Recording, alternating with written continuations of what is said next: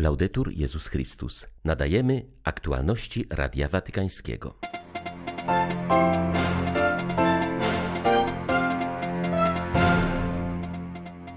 Papież podczas dzisiejszej audiencji ogólnej zwrócił uwagę, że święty Józef, człowiek ukrytej obecności, pozostaje dla wszystkich opiekunem i przewodnikiem w trudnych chwilach.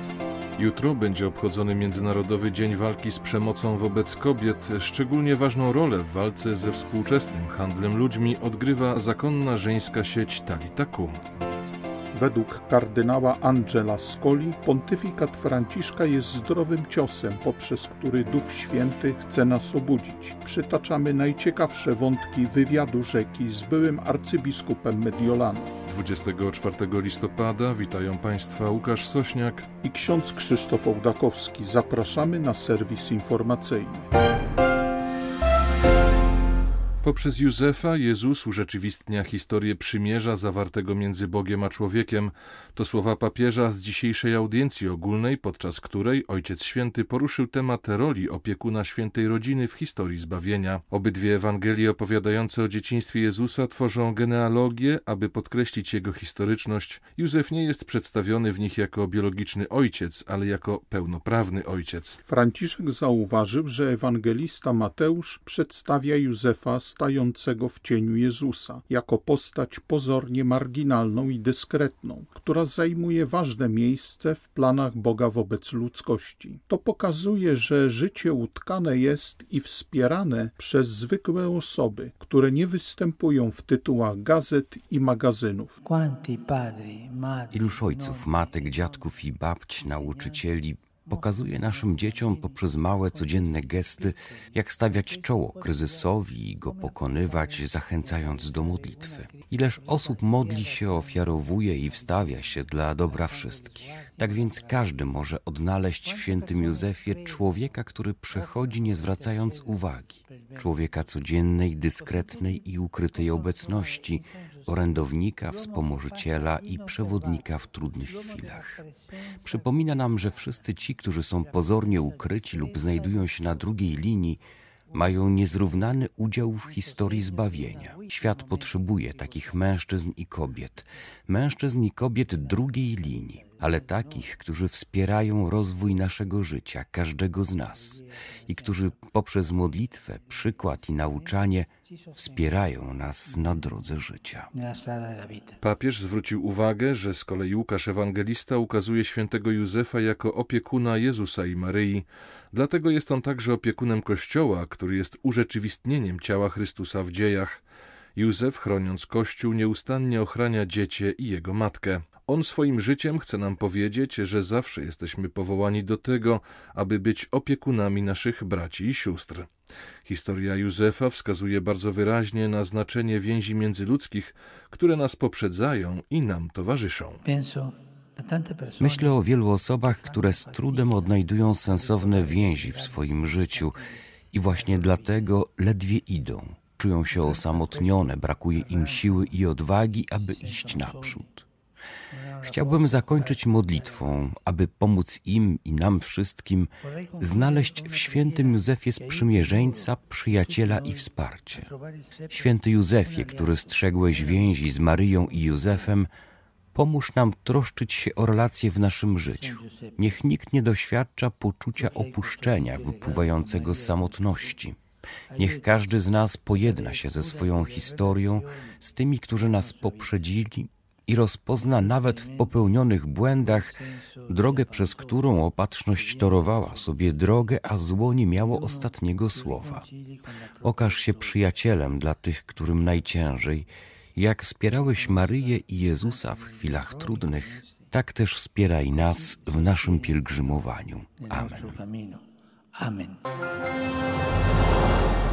W związku z początkiem nowego okresu liturgicznego papież zachęcił pielgrzymów do otwarcia swoich serc dla Pana, aby przygotować drogę temu, który przychodzi napełnić światłem swojej obecności wszelką naszą ludzką słabość. Franciszek zwrócił uwagę, że Pan stawia na naszej drodze ludzi, którzy cierpią, czują się samotni lub stracili siłę i odwagę. Powinniśmy ich rozpoznać i z pomocą świętego Józefa stać się ich przyjaciółmi i wspierać na drodze życia. Do Polaków Ojciec Święty powiedział: Pozdrawiam serdecznie wszystkich Polaków.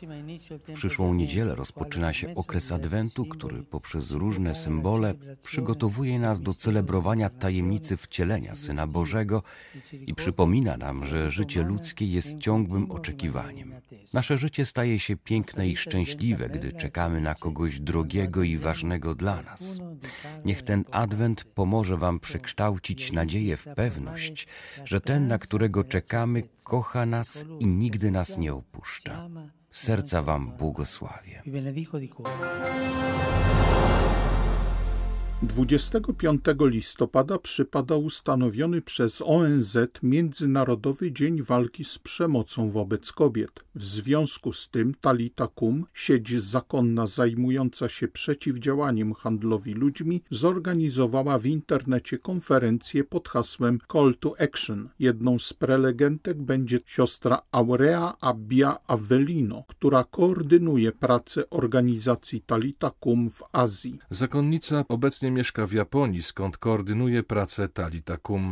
Jest jeszcze bardzo wiele do zrobienia dla kobiet z krajów azjatyckich, które niezwykle często padają ofiarą handlu ludźmi i są wykorzystywane seksualnie. Współczesne niewolnictwo to wciąż wielka plaga, stwierdza w rozmowie z Radiem Watykańskim siostra Abia.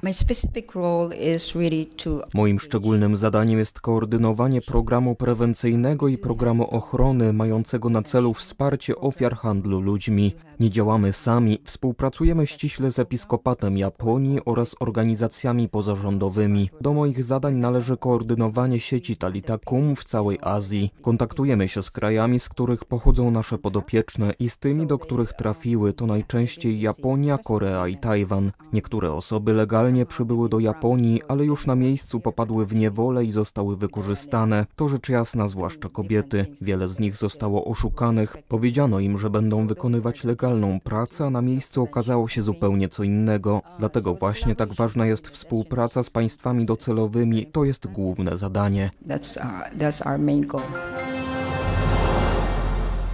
Nakłanianie chorych do odebrania sobie życia nie jest właściwą odpowiedzią na cierpienie, przypomina papieska Akademia Życia, komentując pierwszy we Włoszech przypadek, kiedy to władze sanitarne wyraziły zgodę na wspomagane samobójstwo. Chodzi o sparaliżowanego od 11 lat mężczyznę z regionu Marke. Pragnący odebrać sobie życie, 43-letni mężczyzna odwołuje się do orzeczenia Trybunału Konstytucyjnego z 2019 roku, który zadecydował o niekaralności pomocy we wspomaganym samobójstwie.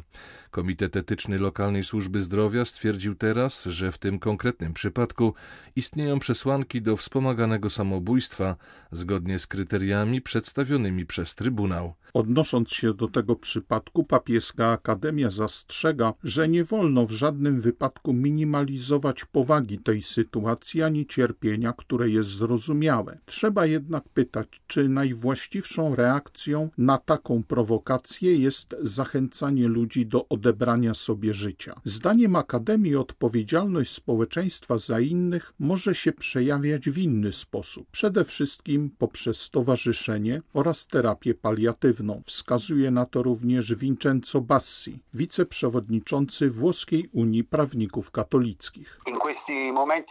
W takich chwilach zawsze trudno o komentarz. Oczywiście nie jest to osąd osoby. Nikt nie może sobie pozwolić na osądzanie chorego, który w desperacji chce umrzeć. Brak przynależności do sieci ludzi, rodzin może być przyczyną rozpaczy.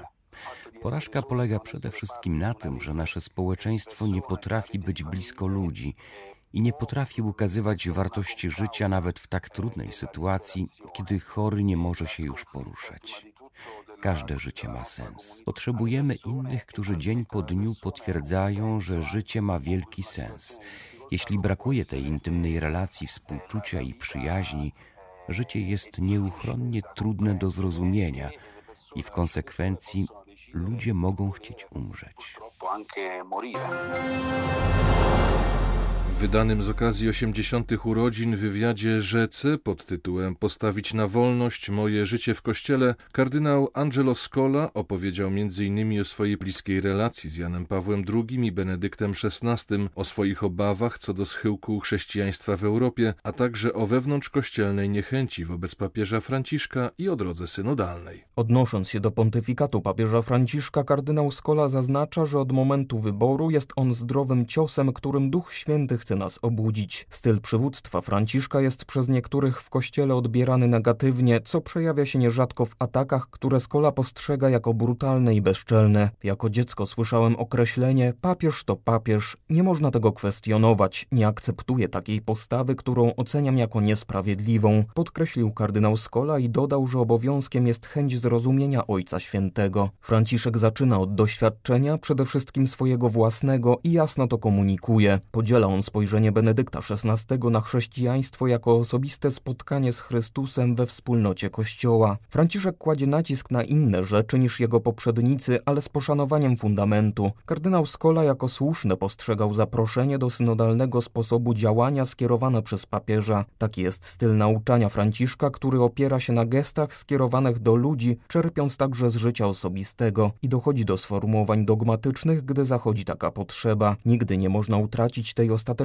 postawy w stosunku do papieża w pełnej wolności, która nazywa się posłuszeństwem, dodał kardynał Skola. Duchowny nie podziela obaw co do schizmy w kościele, lecz martwi się ostrymi polemikami i podziałami, które szkodzą dążeniu do poznawania prawdy i praktykowaniu miłości, co jest nie do przyjęcia. Choć sytuacja jest poważna, kardynał Skola powiedział, że sam nie używa terminu kryzys w odniesieniu do położenia kościoła. To, co się dzieje, to początek zmian. Duch odnawia kościół. Mam wielką nadzieję w tym, że zmiany są możliwe.